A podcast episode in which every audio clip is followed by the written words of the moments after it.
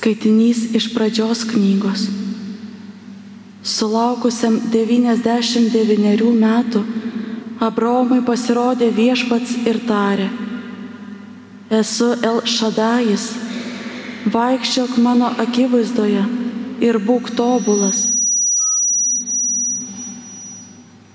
Toliau bylojo Dievas Abraomui, tu saugok mano sandorą pats ir tavo palikonis iš kartos į kartą.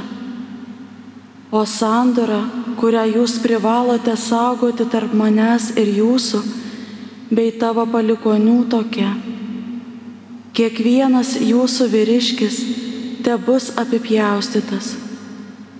Ir dar kalbėjo Dievas Abraomui, savo žmonos tu nebevadinsi Saraja, jos vardas bus Sara valdovė. Aš ją palaiminsiu ir iš jos dovanosiu tau sūnų. Aš ją palaiminsiu, kad iš jos kiltų tautos, iš josios paės tautų karaliai.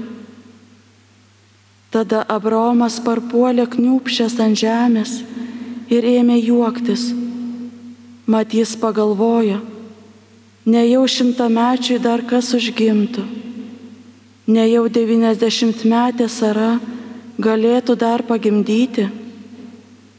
Todėl Abraomas ir tarė Dievui, nebent Ismaelis gyvuotų tavo akivaizdoje. Bet Dievas atkirto, visai ne taip, tavo žmona Sara pagimdys tau sūnų ir tu jam duosi vardą Izaokas Aš savo sandorą su juo pakelsiu į amžiną sandorą, kad jam ir jo palikonims aš būčiau Dievas. Ir dėl Ismaelio tave išklausysiu. Štai aš jį laiminu ir leidžiu jam būti vaisingam.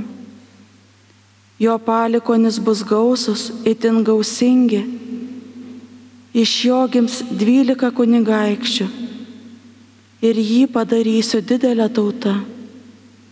Bet savo sandorą aš sudarysiu su Izaoku, kurį Sara pagimdys kitais metais šituo laiku. Pabaigęs kalbėti su Abromu, Dievas nuo jo pasitraukė. Tai Dievo žodis.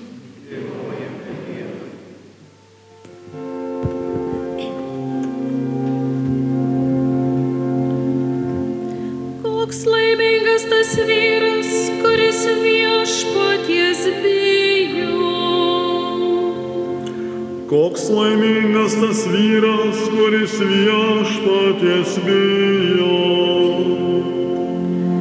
Laimingas esi, kad Dievo bijaisi, kad laikais jo parodyto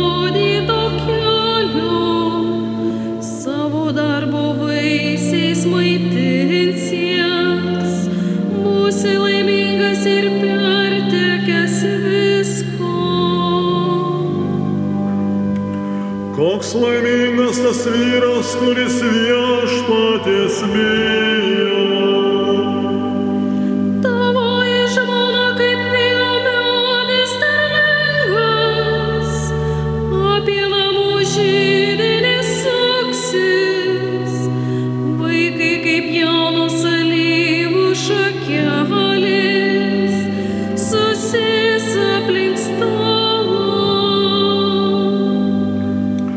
Koks laimingas tas vyras, kuris viešpaties bijo.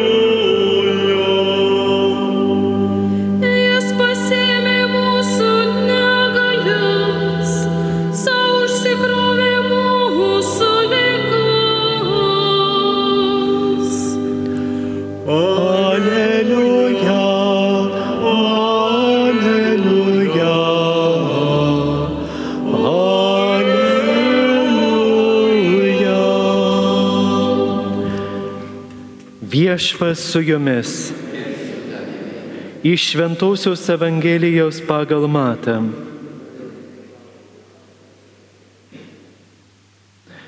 Kai Jėzus leidosi nuo kalno, jį lydėjo didelės minios. Štai prisartino raupsuotasis ir parpuolė prieš jį ant žemės, maldaudamas viešpatie Jei nori, tu gali mane padaryti švarų. Jėzus ištiesė ranką, palėtė jį ir tarė, noriu, būk švarus. Ir to jau raupsai išnyko. Jėzus pridūrė, žiūrėk, niekam nepasako, bet eik pasirodyti kunigui ir paukok Mozės įsakytą atnašą, jiems paliudyti girdėjote viešpaties žodį. Evangelijos žodžiai tenaikina mūsų klaidas. Gražu, kad šios dienos Evangelija, pasakojant apie išgydymą, sutampa su Šilovoje esančia ligonių diena, kuomet melžiamės su pasitikėjimu prašydami viešpaties kūno ir sielos sveikatos. Ir ši mūsų malda, sakytume, pats viešpats ją įteisina, pats viešpats parodo, kad jisai nori, jog žmogus būtų laimingas, jog žmogus nesirgtų. Šios dienos Evangelijoje tą girdime, kuomet baigęs kalno pamokslą viešpats su savo mokiniais nusileidžia nuo tos kalvos ant kurios kalbėjo, jį pasitinka raupsuotasis, maldaudamas viešpatė, jei nori, tu gali mane padaryti švarų. Viešpats jį paliečia ir pasako taip, noriu, kad tu būtum švarus, noriu, kad tu gyventum, noriu, kad tu džiaugtumės. Labai gražus tas abiejų ir sergančio ir gydytojo susitikimas. Raupsuotasis, tai yra to meto baisiausia lyga, neišgydoma, kur žmogus, būdamas gyvas, jau buvo miręs, netekęs nei ateities, nei artimųjų, nei išbrauktas iš gyvųjų tarpo. Ir štai šis raupsuotasis nuolankiai sako viešpatė, jeigu tu nori, tai yra koks koks jo nuolankumas ir nusižeminimas. Nesako, o Jėzau, greit, greitai tu mane švarų padaryk, aš noriu gyventi. Turbūt mes, kai dažnai kažko viešpatės prašom, tai prašom arba su, su tokiu, sakytume, kaip, kaip šeimininkas kažkokio savo tarno ar kaip klientas kažkokiai parduotuvė nuėjęs, kuris mano, kad turi teisę viską gauti Taip ir mes dažnai prašom Dievę, išgydyk Dievę, padaryk, nes, nes tu taip turi padaryti, nes aš to prašau. Arba priešingai prašome, bet netikime. Netikime, kad Dievas gali mums duoti sveikatą, netikime, kad Dievas gali spręsti kažkokias problemas. O štai šis raupsuotasis, kurios tikrai jam nebuvo pasirinkimo arba ir toliau mirti, iš lėto supūti gyvam arba prašyti sveikatos. Ir štai jisai nereikalauja, sakytume, ne, nepriekaištauja, bet sako viešpatie, jeigu tu nori. Tai yra palieka Dievui, sakytume, irgi laisvą valią, kad galbūt tu Dieve nenori, galbūt šitie raupsai yra kas geriausia, kas man galėjo nutikti. Gal tavo planas yra toksai, jog turiu sirgti ir numirti. Tačiau viešpats, pažvelgęs į jo nuolankumą, į jo pasitikėjimą jį išgydo. Tai yra turbūt pavyzdys ir mūsų maldų, kuomet prašome viešpaties. Turime atsisakyti tos nuostatos, jog mes geriausiai žinom, ko mums reikia. Tai yra, aš žinau, ko man reikia, bet tik tai pats to negaliu padaryti Jeigu galėčiau, tai Dievą tavęs neprašyčiau, ir tavęs man nereikėtų. Dažnai mums Dievas būna kaip paskutinė instancija. Jeigu pats nesusitvarkiau, mano kai ten kokie pažįstami nesutvarkė reikalų, tai ką dabar daryti, reikia kreiptis į tą Dievą. Gal jisai sutvarkys.